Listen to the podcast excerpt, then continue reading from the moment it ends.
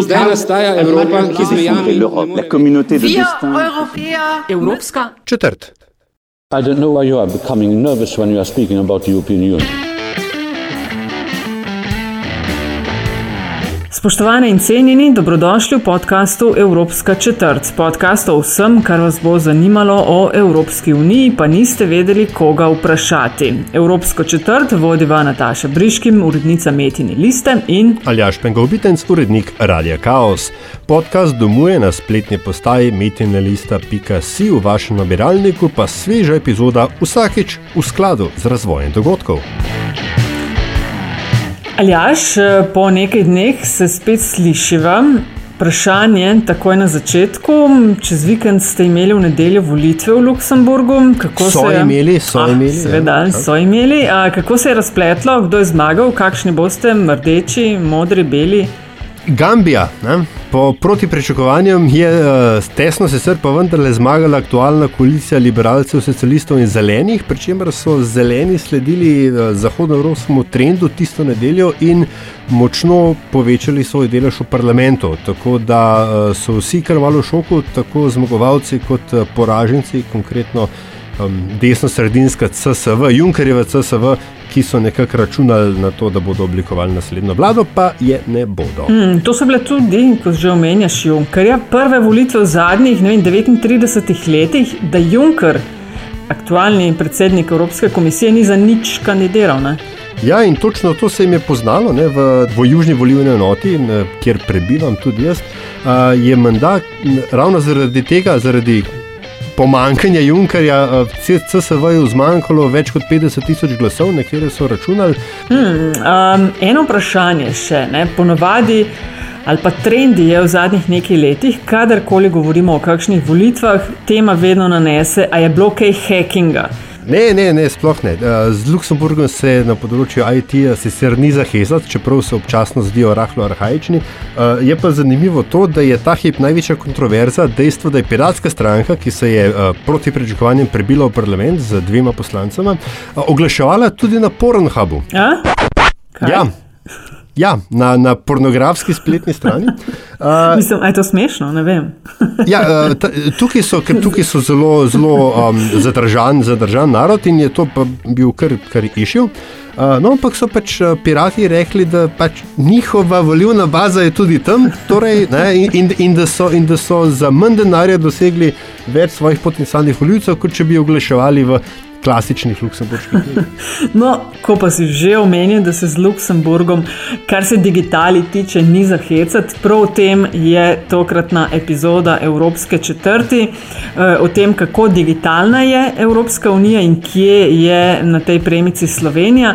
Istočnica pa aljaš imeniten projekt CodeWeek, ki traja že vse od 6. oktobra. Hudvik je uh, ena taka zveza prostovoljcev, uh, čist neformalno smo povezani po vsej Evropi, oziroma širše, več kot 50 držav sodeluje.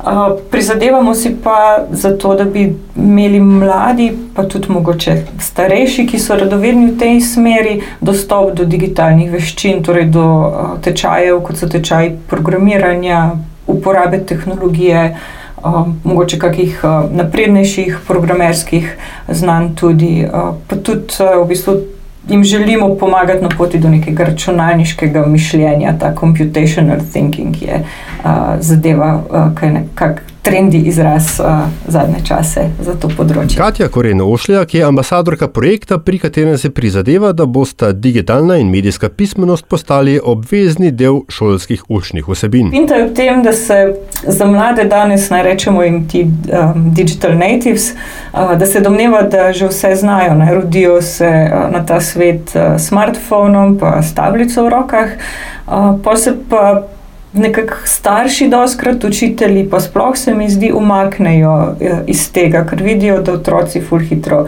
Tipkajo, da znajo zelo hitro prenašati aplikacije, nameščati programe, in pa imajo kar odrasli, doskrat respekt do tega, in res otrokom niti ne pomagajo, kaj šele, da bi recimo kako uporabo problematizirali ali pa da bi jim pomagali nadgraditi znanje, da bi lahko ne vem, neke boljše stvari uh, s tem počeli. No, Code Week se je rodil leta 2013 in kar je pri vsem skupaj sploh krasno, Aljaš, je, da je bila Slovenija med ustanoviteljicami projekta. Alja Isakovič je zelo zaslužena, da smo uh, dobili Code Week. Ona je takrat bila mlada svetovalka, takratne um, komisarke Neli Krojs. Uh, in uh, ja, skupaj z ekipo uh, so zasnovali Code Week, izvedli to prvo različico in tudi ne, uh, prva različica spletnega mesta codewik.eu uh, je bila narejena pač, uh, s spretnostjo slovenskih punc zares uh, v okviru ekipe CodeCats, ki jo je tudi takrat uh, poganjala. Uh, Alja Isakovič, uh, mislim, da še skupaj z Matejo Verlič Brunčič in pa Eriko Pogorelc, če se ne motim. Code Week letos traja od 6. do 21. oktobra. No, naj jo pa zanima tudi širši kontekst, Recimo, kako digitalno napredna je sploh Slovenija. Vemo, da imamo najboljše strokovnjakinje in strokovnjake, številni med njimi delujejo na vrhunskih raziskovalnih inštitucijah v tujini. Ja, no, le, indeks digitalnega gospodarstva in družbe, tako imenovan DESI, se mu reče, na ravni EU ga pripravlja Evropska komisija in za 2018 smo med 28 državami članicami EU na 15. mestu, torej pod EU poprečjem in pod pod povprečjem, až tudi, kar se tiče digitalne pismenosti? Tukaj uh, uh, se gleda kriterije, kar se tiče gospodarstva, ne, koliko, je, uh, koliko so podjetja zares digitalizirana, koliko je na trgu digitalnih storitev, uh, koliko je sama javna uprava, sama uh, država digitalizirana, koliko uh, čez konkretno državljanom omogoča, da upravljajo neke storitve uh, prek interneta recimo oddajo uh, vlogo za podaljšanje kakega dokumenta ali pa uh, za kako dovoljenje lahko prek interneta, potem pa tudi šolstvo, ne, zelo pomemben segment, ampak ne samo koliko je same tehnologije v šolstvu, koliko šol ima dostop do širokopasovne povezave, ampak tudi čist konkretno, kaj se vsebinsko v šolah dogaja, ne, kaj se dogaja med poukom. Dobro, smo podpovprečni. Dobra novica pa je, da vseeno napredujemo iz leta v leto in na tej listici pridobivamo mesta. Smo pa daleč od najboljših, kot so denimo Danska, Švedska, Finska in Nizozemska. Vsakoga dana v vsakem pogledu vse više napreduje. Vsakoga dana v vsakem pogledu vse više napreduje. Vsakoga dana v vsakem pogledu vse više napreduje. Katere države EU so digitalno najbolj napredne? Kaj delajo, da si to zaslužijo, da so na vrhu? Um, ja, dejan, dejansko um, bi izpostavila recimo primer Finske. Finska ima čez 70-75 odstotkov posameznikov, ki imajo vsaj neke osnovne veščine za to, da uporabljajo tehnologijo, za to, da lahko participirajo v nekem življenju vsakdanjem prek recimo interneta s pomočjo tehnologije. Oni imajo um, zelo zanimiv um, kurikul, učni načrt. Kot vem, Finci nimajo um, učnih predmetov, kar pa imajo zapisano, je pa neka digitalna državljanska vzgoja, ki um, vključuje pač neko znanje programiranja in druge digitalne veščine, ampak ne samo to, temveč tudi.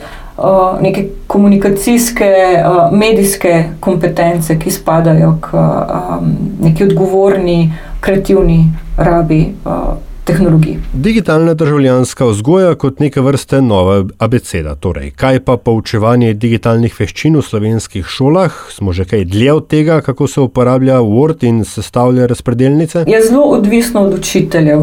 Zdaj mi imamo na normativni ravni v učnih načrtih šol zelo jasno zapisano, večkrat se pojavljajo na različnih mestih digitalne veščine in v osnovnih in v srednjih šolah. Zares pa nimamo sistema, um, bi, ki bi nekako usmerjal.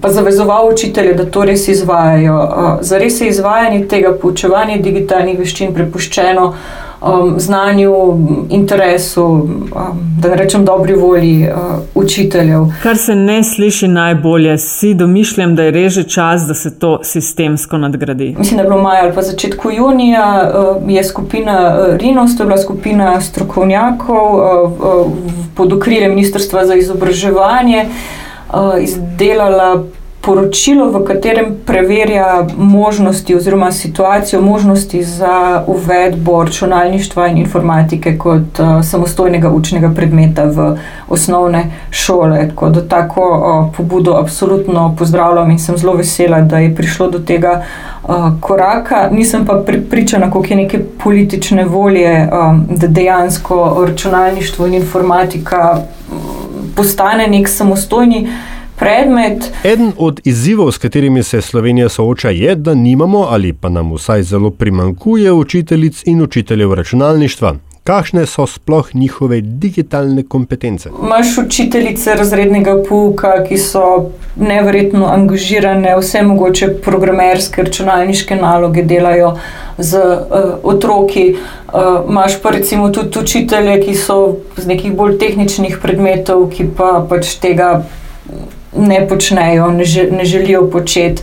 Uh, vidimo primere, recimo na šolah, kjer imajo vrhunsko upremljene računalniške učilnice, ampak jih imajo pod ključem, ker jih je strah, da se bo z računalniki kaj zgodilo, pa jih otroci ne smejo uporabljati. Kje pa je v tej zgodbi? En fajn projekt znotraj CodeWeeka delate in to je Gajen svet programiranja. Letos, če se ne motim, premjerno. Ne? Ja, ja. Uh, kaj, kaj hočete s tem narediti, zakaj je to? Ja, mi smo nekako, se mi zdi, tako super sodelovanje razvili s filmarji, s Petrom Bratušo in ekipo. Um, povabili so nas k sodelovanju najprej čist kot samo ambasadorje filma, zaradi tega, ker film naslavlja uh, točno to kreativno, varno, odgovorno uh, rabo interneta. Um, no, pa smo pa ugotovili, da se, uh, da se da na ta način priti uh, do šol. In sicer šolam, uh, ki se udeležijo šolskih projekcij, ponudimo uh, delavnico. Uh, to je zdaj pač odvisno od tega, koliko ima šola časa in kako se logistično poklopijo stvari. Ta delavnica lahko traja od pol ure, 45 minut pa 60 uh, minut. In um, ja, v tem času uh, se dotaknemo um, filmske zgodbe, um, v, v kateri se zgodi vdor v uh, aplikacijo zaradi uh, nepravilne uporabe gesla, um, poskus spletne zlorabe mladoletne osebe in še par uh, drugih stvari, uh, pri čemer, uh, pri čemer um, poskušamo z učenci ugotoviti, kaj je bilo tisto, kar je bilo narobe, kako se da stvari boljše delati. 50 delavnic do konca šolskega leta, torej več kot 5000 otrok so že dosegli, vse več učiteljev vezanje, na spletu pa jim je na voljo tudi vadnica. Sveda jo bova priložila v opisu epizode. No, zanimivo je, Aljaš, da projekt v celoti podpira zasebno podjetje 3FS, država se z njim sicer hvali, je slišati, ampak sredstev pa zaenkrat ne prima primakne, ne, da bi se vse skupaj, kot dvig na splošno, premaknil nekje iz faze prostovoljstva v kaj bolj trajnejšega. Na ravni Evropske unije, oziroma to, kar se pogovarjamo kot kodvig z Evropsko komisijo, je definitivno cilj, da digitalne veščine, digitalno opismenjevanje postane del. Um, javnega šolstva, oziroma da postane na rednem programu, eh, da pristane na rednem programu eh, v pouku, ne, da, da so vsi učenci sistemsko uh, grejo skozi skoz te programe. Uh, kar se kodvika tiče, niti ne, ne. Naš cilj je kot kodvikovcev, da sami postanemo redundantni, ne, da bo nekoč pač vse mhm. to sistemsko urejeno in potem kodvika več ne potrebujemo. Po tvoji oceni za konec, Katja Korenošlja, koliko časa ali koliko let misliš, da smo stran od tega, da kodvik recimo v Sloveniji ne bomo več potrebovali? Huh. Jaz mislim, da, da realno bi bilo, tukaj jaz mislim, da je izvedljivo 5 do 10 let, ne vem pa, če je volja za to taka. Najlepša hvala za pogovor. Ja, prosim, hvala za vabilo. Indeks, s katerim merijo, kako digitalno je kakšno gospodarstvo in družbe, desi se mu reče za 2018, aljaš kaže, da je Luksemburg, kjer ti živiš, takoj za Dansko, Švedsko, Finsko in e, Nizozemsko. Zdaj ti si uporabnik teh storitev, a lahko na tako kakšnih konkretnih primerih poveš, a, kako se kaže to, da so to boljši. Še pred tremi leti sem moral za to, da sem uredil moj status v Luksemburgu fizično petkrat na občino in uh, kar nekaj um, komunikacije z raznimi uh, državnimi inštitucijami upraviti, danes je to dobesedno dva klika stran. Slovenija je bila v tem pogledu še pred nekaj leti pred Luksemburgom, vsaj kar se mojih opažanj tiče, dan danes slovenska e-uprava zaostaja v uporabniški izkušnji in pač naboru storitev, ki so uh, stotstotno na voljo digitalno.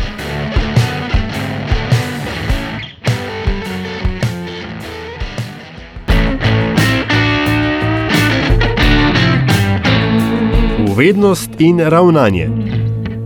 Še novicim za piko na i tej epizodi. Do 21. oktobra se še lahko prijavite na razpis za nagrade za Evropske digitalne spretnosti 2018. Gre za priznanja za uspešne lokalne pobude, ki pomagajo odpravljati digitalni razkorak. Prijavijo pa se lahko organizacije oziroma podjetja, ki izvajajo oziroma izvajate projekte za krepitev digitalnih veščin v Evropi. Se pravi, deadline je 21. oktober.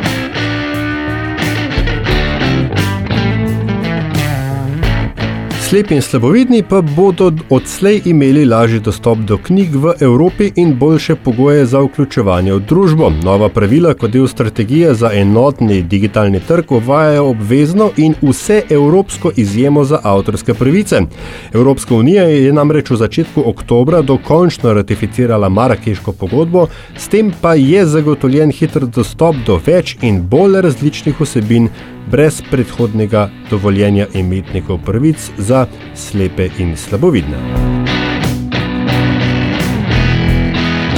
To je bila Evropska četrt. Hvala za vašo pozornost. Predlogi, mnenja, pohvale in kritike dobrodošle na infoafnametinalista.com, na družbenih omrežjih pa naj jo najdete na uradnem ključniku Evropska četrt. Avtor glasbe je Peli iz Afna Hishen Band. Če vam je vsebina všeč, bo pomagalo, da nas najde še kdo, če naj jo ocenite pri vašem izbranem podcast ponudniku.